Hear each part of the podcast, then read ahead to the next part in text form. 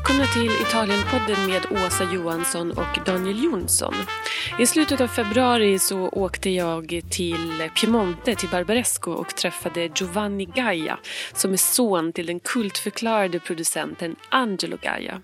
Jag ville ta reda på hur det är att ta över en kultförklarad vingård som just gården Gaia är.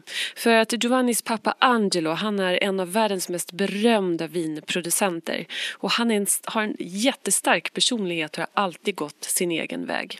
Ehm, på 60-talet när Angelo kom in i familjeföretaget eh, och började arbeta tillsammans med sin pappa som också hette Giovanni eh, så slutade han faktiskt att göra Barolo trots att eh, det var det starkaste varumärket just då och satsade allt på att göra Barbaresco. När det sedan började gå bra för Barbaresco så tog eh, Angelo Gaia en annan riktning och började plantera internationella druvsorter i traditionella Piemonte. Och allt med stor framgång. Eh, Angelo Gaia som sagt har en jättestark personlighet och själva varumärket är byggt kring honom själv. Så hur är det då att komma in i en sån här eh, ett sånt här familjeföretag med en så stark personlighet eh, som just Angelo Gaia och jobba sida vid sida eh, med en sådan pappa. Det och en hel del annat frågade jag eh, Giovanni under en förmiddag i Barbaresco. Och det var faktiskt ganska lustigt för det första som eh, Giovanni frågade mig, eh, klockan var ungefär halv elva på förmiddagen och sa vill du ha en kaffe, en espresso eller ett glas Barbaresco? Vad skulle ni ha svarat? Jag vet vad jag svarade i alla fall. Um, hoppas ni tycker om det. Vi hörs snart igen. Ciao, ciao!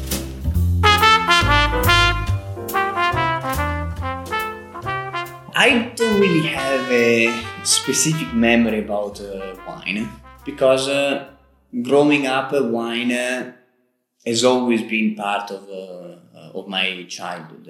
Uh, wine has always been on the on, on our dining table every day. There was always a glass or a bottle of uh, wine. And uh, since I was uh, two years old, uh, I grew up uh, with uh, my parents giving me a little spoon of Barbaresco. Oh, from two years old. Since I was two years old, okay. yes. When I was crying, you know, and, and every reason was good to give me a little bit of a little spoon of Barbaresco. And they did this to also adjust my taste to prepare my taste to be able to uh, understand the, the tannin and uh, and the acidity. This was also important not only for the taste, but also to grow up thinking uh, and not thinking, giving the right importance uh, to wine. Mm-hmm. Because uh, I grew up thinking that uh, you drink wine in in moderation, but most of all, you drink wine always paired with the with food. I, I don't usually drink wine in between uh, meals, but only in uh, with the with the meals. And uh, this is something that uh, is very true for Nebbiolo because Nebbiolo is a variety that is a variety that is very tannic, and so it needs to be paired with the food because when you pair it with food, you kind of smoothen and kills and kill part of the tannins. But uh, I think it's true also for Italian uh, wines because Italian wines in general are food wines, are all wines that when you pair it with food, the food enhances uh, the, the, the, expression of the wine and the wine enhances the expression of the, of the food. So it's something that goes uh, mm. together. But do you, when you had like lunch or dinners together, do, do you have the same taste in your family? Mm, no.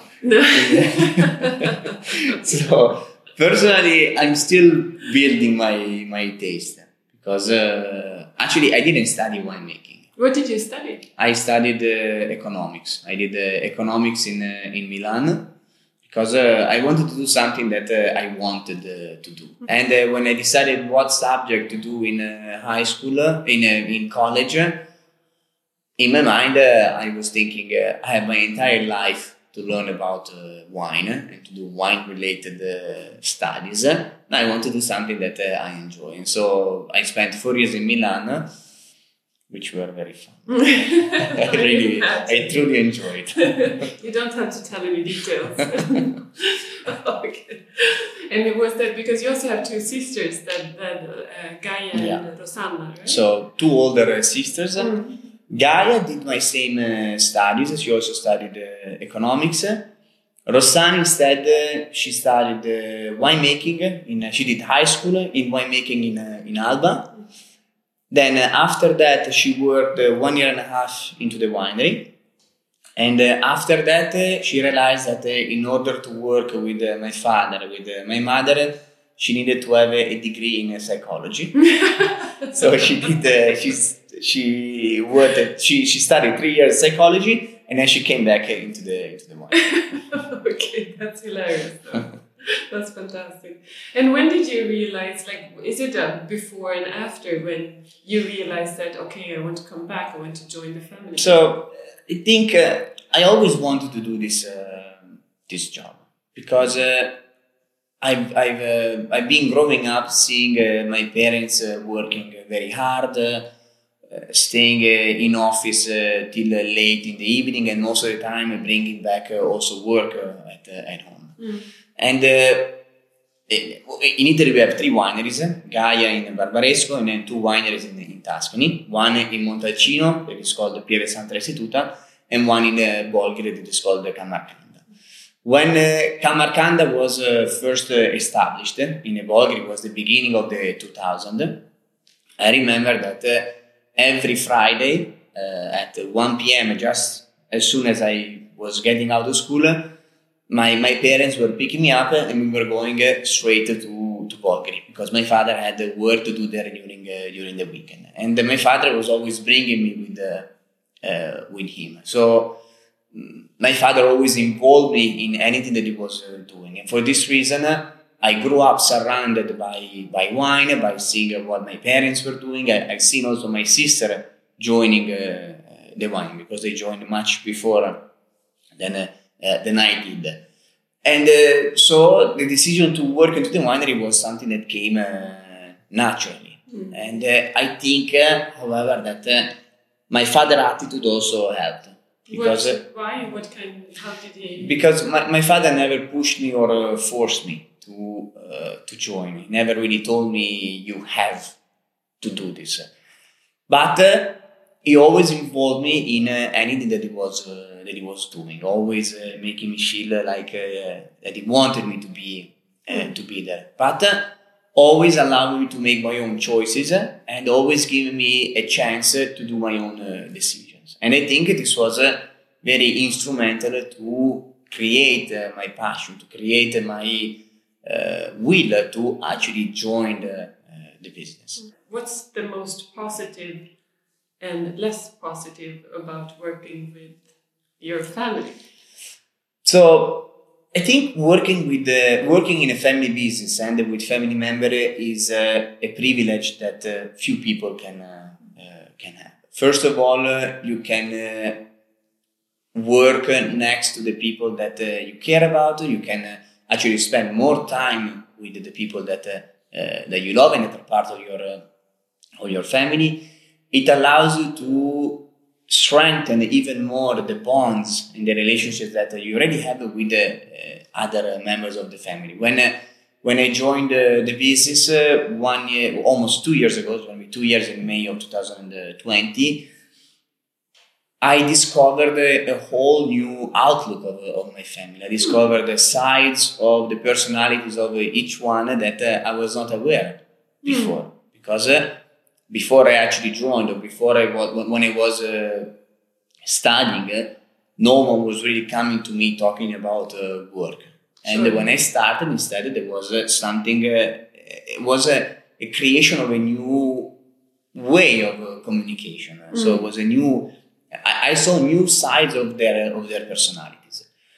Working with family members uh, means uh, also that uh, you can trust the people that you work with because uh, they have your same blood, they have your same uh, DNA, and most of all, they work towards the same uh, goal of uh, always increasing and protect and improve the, the business. The I don't like to call it a, a downside, a, a downside, but uh, I think uh, an aspect where uh, uh, you have to pay a lot of attention is uh, the cultivation of uh, the relationships. Mm. So luckily in our family, we go very well along uh, together. And I think uh, this is because uh, my parents uh, involved us in uh, the management of, of, of, the winery. They also took some steps back to give us more chances to create our own spaces and get our own spaces. And most of all, from our side, my sisters and I, we always look for uh, my parents' uh, suggestions or, uh, or approval. Uh, even even when there are different opinions, uh, we talk together. We, we we try to fix everything with discussing together, trying to avoid uh, conflicts, mm. and uh, we don't uh, we don't talk with knives. with, but do you have like set up rules, or are they like are there like silent rules that you just know, or is it like okay? you can't raise your voice or um, when we leave here we no, don't talk we don't. about it anymore or is it just it comes no, natural no we don't like sometimes we can have very animated uh, discussions okay. but uh, it's a way to uh, you know animated discussions that then are fixed uh, you know we, we never get to the point where uh, there is conflict and the two people don't talk uh, to each other we, sure. we never get to that point okay we all know like angelo gaja but you don't hear so much about your mother. How's, how do they complement each other? What did you learn from each one of them? So let me start with my mom. Yeah. Uh, because. Uh, What's your name? Lucia. Lucia. Uh, you know, they, they say that behind a great man there is always a great uh, woman. This is a, a, a, perfect example for, uh, for my mom. Because uh, my mom, both for me and for my sisters, has always been growing up a landmark uh, something that we always going to her to ask for uh, suggestions. And uh, I think uh, what I learned from my mom is the concept of uh, commitment, determination, and, and hard work. Because my mom has always been a mom, a friend, a wife, a hard worker, and she managed to put together raising a family, uh, being a wife, being a mom, doing uh, all together, and she did it great. So I think uh, the, what the, what I really learned from my mom is the sense of commitment, hard work, respect, uh, and a really uh, passion for what uh, hmm. for what I'm doing. And your father, what did you learn the most from your father? So uh, first of all, from my father, I learned uh, the concept of doubt. My hmm. father always tells me and my sisters that we always need to have at least a 20 to 30 percent of doubt in uh, everything that, uh, that we do. Because uh, if we think that uh, what we're doing can only be done in, uh, in that way, we do like uh, horses, that they only look in, in one direction. And if you think that there is no other way of doing things, there is no margin for improvement. So my dad is the one that always put doubt, instill doubt, 20% of doubt that is making us uh, question ourselves, questions if what we're doing is uh, mm. correct, or if there are other ways in which we can make it uh, better.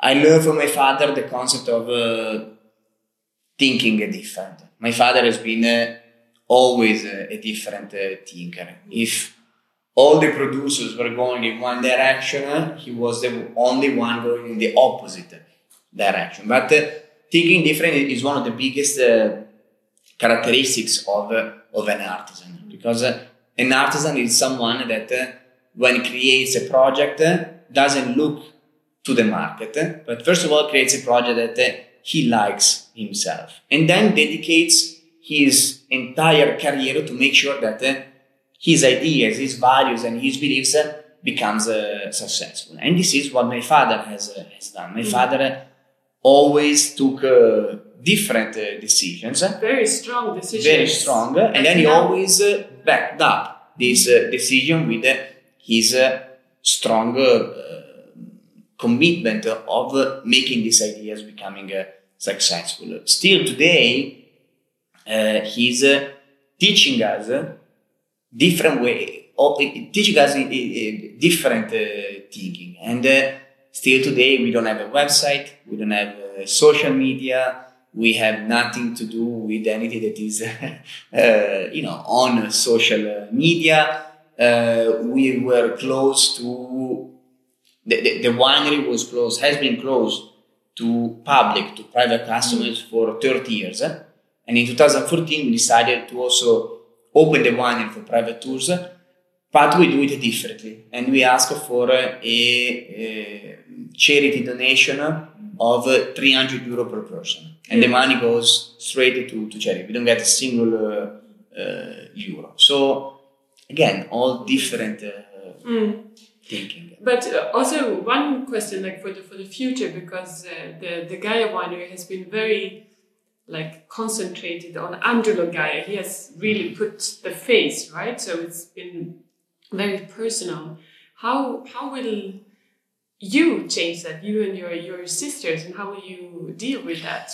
Like well, uh, I joined uh, two years ago, so I'm mm. still uh, learning. But uh, my sisters have been into the winery Gaia joined in 2004, so it's been 16 uh, years, and my sister Rossana joined in 2009, so 11 uh, years. Both of them are uh, very much involved in uh, into the winery, and uh, recently we started making some uh, changes. They're not revolutionary changes, but probably the biggest change of all was the decision of coming back to being 100% Nebbiolo with our single vineyards. Because, because before in, in 1996 my father added a small percentage of Barbera to all the single vineyards that we produce in both the Barolo and the Barbaresco area. In 2013 instead we decided to go back to being a pure 100% Nebbiolo and so before the denomination was Langhe now we are back into the Barolo and Barbaresco denomination. And uh, this has been uh, probably the biggest uh, change because uh, we don't really have to, today we don't have to revolutionize uh, everything because my father already did uh, an amazing job in the last six years. So what we have to do is just maintain, protect what he did and adjust with the challenges that we have now in this what are the challenges, your opinion, in a, like a close future? What do you see as for a winery like this? So uh, the challenges, uh, I believe, uh, I'm not talking only for the winery, but for wine in general. I believe there are two challenges. First one is uh, climate change, which uh, is a serious challenge challenge to wine. So in the future, producers and the researchers will have to join forces and uh, find ways to adapt to this and to adjust to this warmer climate. The other challenge uh, to wine is uh, the perception of alcohol that uh, regulators and uh, governments uh, have. There are uh, now I, have seen a, an increased amount of campaign campaigns that have done against alcohol, and I think these are all right campaigns because people, especially the young generation, should be made aware of what are the dangers of uh, alcohol. But when you talk about alcohol, there is an important distinction that must be done. The distinction that is done between alcohol, uh, sorry, between wine and uh, spirits, because they're not the same thing. When you think of wine, wine is uh, culture, because uh, wine is uh, something that connects people. When you drink, uh, when you have to open a very expensive or important bottle of wine, you don't do it alone. You call the people that you love, you call uh, the, the friends, people that you care about, so that you open that bottle uh, together and uh, you drink together to enjoy and to create memories. Mm. also, wine is difficult to think of other beverages that are able to travel in space and in time like wine can do. Because you can ship wine everywhere else everywhere in the world. But also when you bottle a, a wine you are uh, capturing the essence and the expression of that uh, place of that variety of that territory in that specific vintage. You are seizing it in a bottle and then you're able to open that bottle 15 years after and see how that expression has uh, developed. Mm. So this is something that is special about it. Mm. But do you have a, um, a dream for the future that's like for mm-hmm. yourself? Mm -hmm. Do you have something? I'm very, I'm very, uh, I'm very. I don't, know how to say it? In Italian? Uh, scaramantico. Oh, uh, uh, superstitious. I'm very superstitious. Me too. so if I say the dream uh, now, then uh, maybe it won't happen. So okay. I'm not saying it now, but if in the future I, I will be good enough, then it will reveal. Okay, okay, perfect. Thank you so much, Giovanni. I wish you all the best. Thank you. Yeah.